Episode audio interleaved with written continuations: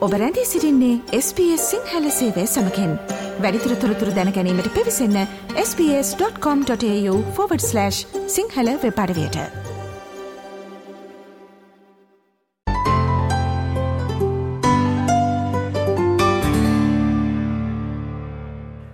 ඕස්ට්‍රලියාවේ පවුල් නීති පනත යටතේ යුවලක් වෙන්වීමෙන් හෝ දික්කසදවීමෙන් පසුව දරුවාගේ සුභසාධන අයිතිවාසිකම් මත ඔවුන්ගේ සියලුම සාකච්ඡාරඳා පවතිනවා.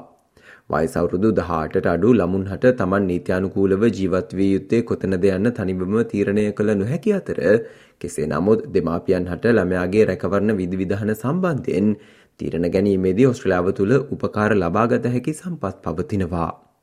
අද ඔස්ට්‍රලයා එක්ස්පලේන් මගින් අවධානය යොමු කරන්නේ ඔස්ට්‍රලාවේ පවුල් වෙන්වීමකදී දරුවන් සඳහා පේරන්ටිං ඇරෙන්ජ්මන්ට් සිදු කරන්නේ කෙසේ දෙයන්න සම්බන්ධයෙන්.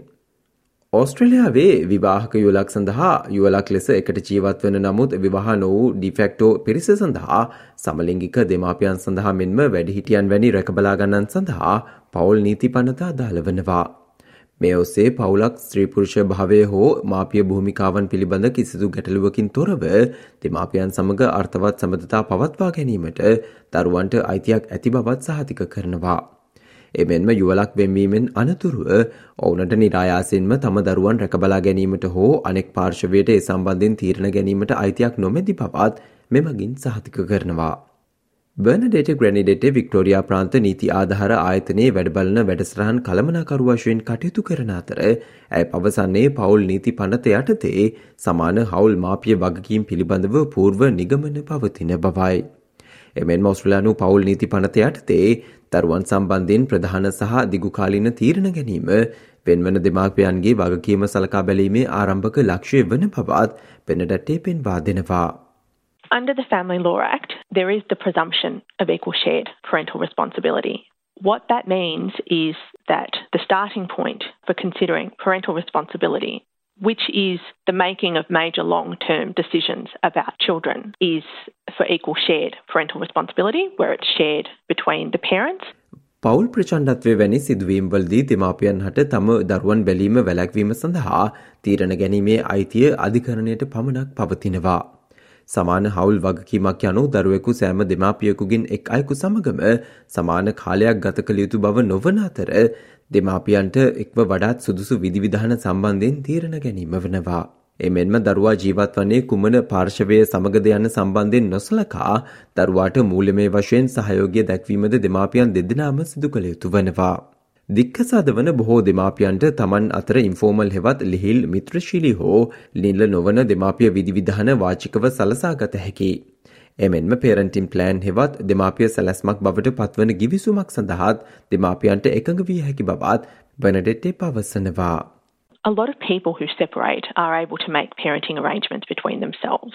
If parents do reach agreement amongst themselves, that can be an informal verbal agreement, or they can write that down and sign that agreement, and that becomes what we call a parenting plan.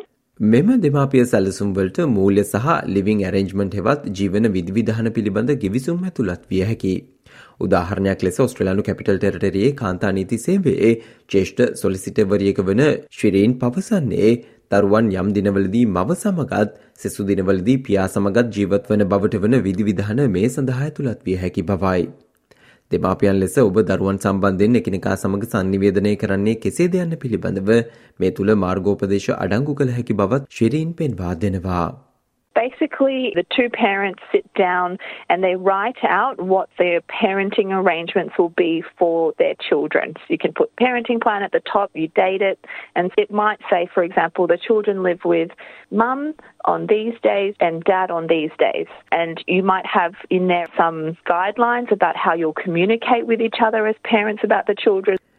Parenting plan හෙවා දෙමාපිය සැලැස්මක අරමුණ වෙන්වීමෙන් අනතුරුව ගැටුම් අවම කිරීම වන අතර කෙසේ නමුත් දෙමාපිය සැලසුම් සඳහා නීත්‍යානුකූල බැඳීමක් නොපවතිනවා. පෙහෙතුවෙන් එක් පාර්ශවයක් මාපිය සැලැස්ම අනුගමනය කිරීම නත්තර කළ හෝත් ඔබට එම පාර්ශවය උසාවියට ගෙනයා නොහැකි අතර මේ සැලසුම් දරුවාගේ අවශ්‍යතා අනුව වෙනස් වන බවත් ශිරීන් පවසනවා.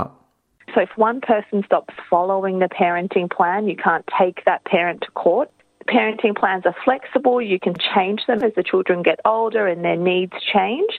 But ultimately, you can only create a parenting plan if you and your ex partner can agree. And sometimes you need the help of a mediator or like a third person to help you reach that agreement. වෙන්වන යුවලක් තම දෙමාපිය සැලසුම් නීත්‍යානුකූල කිරීමට තීරණය කරයි නම් ඒ සම්බන්ධයෙන් parenting consent order යන නියෝග ලබා ගැනීමට පවුල් අධිකරණය වෙත සහ ෆෙඩරල් සර්කිට් යන ආයතන සඳහා ඔන්ලයින් ඔස්සේ අයදුම් කළ හැකි. යම් හේකින් දෙමාපියන්ට එකඟතාවයකට පැමිණීමට නොහැකිව හොත් මිඩියේෂන් හෙවත් මැදිහත්වීම සඳහා වන සේවා ලබා ගැනීම හෝ පවුල් ආරවුල් විසඳීමේ සේවා ලබා ගැනීම සාමාන්‍යයෙන් මීළඟ පියවර වෙනවා. සෑම ප්‍රාන්තයකම සහ ටෙරටරේකම පවතින නීති ආධාර කොමිෂන් සභා ඔස්සේ මූල්‍ය ආධාර සඳහා සුදුසුකම් ඇති පුද්ගලින්ට නීත්‍යානුකූලව මීඩියේෂන් හෙවත් මැදිහත්වීමේ සේවා ලබාගත හැකි. එමෙන්ම ප්‍රජා සහ පුද්ගලික මැදිහත්වීමේ සේවාද ඔස්ට්‍රලියාවේ පවතින බව පෙනඩැට්ටේ පවසනවා. This allows the negotiation of parenting arrangements with the assistance of a mediator And legal aid commissions across Australia offer legally assisted mediation for clients eligible for a grant of aid, and there are also community based and private mediation options available for people who separate. ඕස්ට්‍රලියාව තුළ බොහෝ දික්කසාද වන දෙමාපියන් උසාවියට නොගොහොස් දෙමාපිය ගිවිසුම් ඇතිකර ගැනීම සිදු කරනවා. ඔස්ට්‍රලියාවේ federal circuit සහ පවුල් අධිකරණයේ චේෂ්ඨ අධිකරණ රෙජිස්ට්‍රාර් ඇන් මේරි රයිස් පවසන්නේ දෙමාපියන් අතර සාකච්ඡා සිදු කිරීමෙන් අනතුරුව එළඹෙන ගිවිසුම් ඔස්සේ කැටුම් අවම කිරීම සහ දරුවන්ට ඉදිරිය සම්බන්ධයෙන් නිශ්චිත භාවයක් ඇති කිරීම සිදු කරන බවයි. එමෙන්ම ඇන්මේරි සඳහන් කොට සිටින්නේ දෙපාර්ශවයම එකඟතාවයකට නොපැමිණ සිටින විට උසාවියට ගියත් එය විනිසුරුවරයෙකු ඉදිරියේ නඩු විභාගයකින් අවසන් වීමට ඇති ඉඩකඩ ඉතා අඩු බවයි. මෙහිදී බොහෝ දුරට ඔබ සහ ඔබේ දරුවන් සඳහා සාර්ථක කිවිසුමක් ආරක්ෂිතව සාකච්ඡා කිරීමට මාර්ග සොයා ගැනීමට උසාවිය ඔබට උපකාර කරනවා. Agreements negotiated between parents are known to be more effective in reducing conflict and creating certainty for children. And most parents want to achieve this, including those who find themselves in court. Even if you end up having to go to court because you haven't been able to reach an agreement, then the chances of ending up in a trial before a judge are very low. The court will help you to find ways to safely negotiate an agreement that works for you and your children. එමෙන්ම ජේෂ්ඨ අධිකරණ registrar and Mary පවසන්නේ සෑමයකුගේම අවසන් ඉලක්කය උසාවිය විය යුතු අතර හදිසි සහ ඉහළ අවදානම් අවස්ථාවන් හිදී හැර උසාවියට අයදුම් කිරීමට පෙර අනෙක් පාර්ශවය සමඟ එකගතාවයකට පැමිණීමට උත්සාහ කිරීම වැදගත් වන බවයි. මේ හේතුවෙන් ඔවුන් ඔස්ට්‍රලයාාවේ FDRP සේවා ලබා ගැනීමට යොමුවීමත් වැදගත් බවත් කිසිදු එකගතාවකට එළඹීමට නොහැකි වූ බවට තහවුරු කිරීමට පවුල් සහතිකයක් ලබා ගත යුතු බවත් ඇන්මේරී පෙන්වා දෙනවා. I think everyone who works in the family law system will say the court is a place of last resort. But any person who wants to apply to the court for a formal order about a child must, except in cases of urgency and high risk, first try to reach an agreement with the other parent. That means that they must attend a mediation with a registered family dispute resolution practitioner, and the family must obtain a certificate to confirm that no agreement was able to be reached. ඕස්ට්‍රලියාවේ FDRP හෙවත් family dispute resolution practitioner යනු විධ ගැටුම් ඇති පවුල් සමඟ කටයුතු කරන විශේෂ පුහුණුවලත් මැදිහත්වීමේ සේවාවක් වනවා. ඔවුන් සපයන සේවා ඔවුන්ගේ ස්ථාන සහ ගාස්තු ෆැමිලි රිලේශන්ශිප් සෙන්ටර්ස් වෙබ් අඩවියේ පවතිනවා. ඔස්ට්‍රලයාාවේ මෙවැනි ගැටලු සඳහා පුද්ගලික මැදිහත්කරුවන්ද සේවා ලබා දෙන නමුත් සාමාන්‍යෙන් ඔවුන් වැඩි ගාස්තු අය කිරීමක් සිදු කරනවා. ඇන්මේරි කියා සිටින්නේ ඔබ පවුල් ආරවුල් විසඳීමට සහභාගී වන්නේ නම් නීතිඥවරයකුගේ අවශ්‍යතාවයක් නොපවතින අතර FDRP සේවාවන් තමන් සමග අනෙක් පාර්ශවය සිදු කරන සාකච්ඡාවල රහස්‍ය බව සහ ආරක්ෂිත බව තහවුරු කරන බවයි. මේ හේතුවෙන් ඕනෑම ගෘහස්ත සහ පවුල් ප්‍රචණ්ඩත්වයක් සම්බන්ධින් වන සාකච්ඡාවකට පෙර ඒ පිළිබඳව ඔබ සමඟ පුද්ගලික එකඟතාවයකට ඔවුන් පැමිණෙන අතර ඔබට එම සාකච්ඡාවලදී පරිවර්තකයකුද ඉල්ලා සිටිය හැකි. and any concerns that you might have about risks, including in relation to domestic and family violence, will be discussed with you privately before any negotiations. And issues including translators or other support services can also be discussed. Family dispute resolution practitioners are responsible for ensuring that the negotiations are safe and appropriate. And if they're not, then a person can apply to the court. වෙන්වීමකින් අනතුරු ඔබට FDRP සේවා සඳහා සහභාගි වන ලෙසට ඔබේ අනෙක් පාර්ශවය ආරාධනා කළ හොත් එය හොඳින් සලකා බලා ඔබට ගැටලු පවති නම් නීති උපදෙස් ලබා ගැනීම වැදගත් වෙනවා. එමෙන් ඔබට මේ සඳහා සහභාගිවීමට අවශ්‍ය නොවේ නම් කිසිදු ගැටලුවකින් තොරව මෙයට සහභාගී නොවී සිටිය හැකි අතර ඔබේ සහභාගිත්වයෙන් තොරවම එහි අවසන්තීරණය පැමිණෙනවා. දෙමාපියන්ට එකඟතාවයකට පැමිණීමට නොහැකි වූ විට පවුල් නීති පනතට අනුකූලව දරුවාගේ අවශ්‍යතා මත පදනම්ව පවුල් නීති අධිකරණය තීරණයක් ගැනීම සිදු කරනවා. දරුවට වයසවුරුදු දහටක් වනතෙක් උසාවි නියෝගය ක්‍රියාත්මක වන නමුත් එක් එක් නඩුවේ අධිකරණ නියෝගවල විශේෂතා වෙනස් වනවා.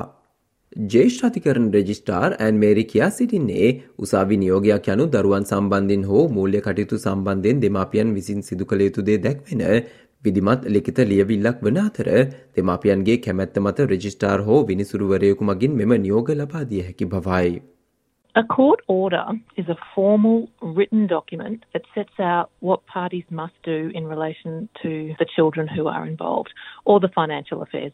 Orders can be made by consent between the parties or by a registrar or judge after a hearing. The things that are set out in the orders are binding on all parties.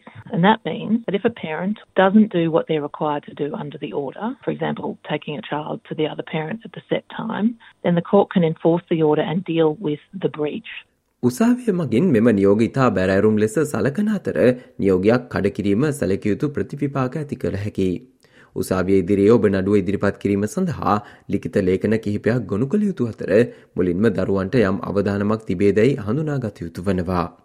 මෙම ලේඛනගත කිරීම සම්බන්ධයෙන් ඔබට උපකාර අවශ්‍ය නම් ඒ සඳහා Federal Circuit and Family Court of Australia යන අධිකරණ වෙබ් අඩවියේ සම්පත් පවතිනවා. ඔබට උසා විනියෝගයක් නොමැතිවත් ඔබේ දරුවා සමග විදේශයකට හෝ වෙනත් ප්‍රාන්තයකට යාමට අනෙක් පාර්ශවයේ කැමැත්ත අවශ්‍ය වෙනවා. චේෂ්ඨ සොලිසිට ශිරීන් කියා සිටින්නේ දරුවා සමග නැවත ජීවිතය ආරම්භ කිරීමේදී උසාවිය මගින් මූල්‍යමය කරුණු සලකා බැලීම සහ ආරක්ෂාව තහවුරු කිරීම වැනි දෑ සලකා බලන අතර මේ හේතුවෙන් ඒ පිළිබඳව ඔබ නීතිඥයෙකු සමග කතා කළ යුතු බවයි. That's really when you need to speak with a lawyer because there's lots of different things that the court will take into consideration when an application for relocation is made. It will look at things like safety concerns, whether the relocation means that they'll be closer to family and support, you know, financial considerations. ඔබ දික්කසාද වී ඇතිනම් කුමක් කළ යුතු දැයි ඔබට විශ්වාස නැතිනම් හෝ මාපිය විධවිධානවලට එකඟවීමට ඔබට පීඩනයක් පවති නම් ඔබ එම විධවිධාන සඳහා එකඟවීමට පෙර නීති උපදෙස් ලබා ගැනීම ඉතා වැදගත් වනවා. අද මෙම ඔස්ට්‍රලයා එක්ස්පලෙන් ගුවන් විදිරි විශේෂන්ගෙන් අපි ඔබවෙතගෙන තොරතුරු කියවා දැනගැනීමට හැකිවන පරිදි වෙබ්ලිපියක් ආකාරයට දැන්ටමත් අපගේ වෙබ්බට විය පලකොට තිබෙනවා. ඒ සඳහා www.space.com.au/ සිංහලන අපගේ වෙබ්බඩ වියට පිවිස එහි ඉහලින් නැති ඔස්ට්‍රලයා එක්ස්පලේන් යන කොටසට පිවිසන්න. SBS SBS SBS SBS SBS SBS Radio මේ වගේ තවත්තොරතුරු දැනගන්න කැමතිද. එහමනම් Apple podcast Google podcast Spotify ෆිහෝ ඔබගේ පොඩ්කාස්ට ලබාගන්න ඕනෑම මාතයකින් අපට සවන්දය හැකේ.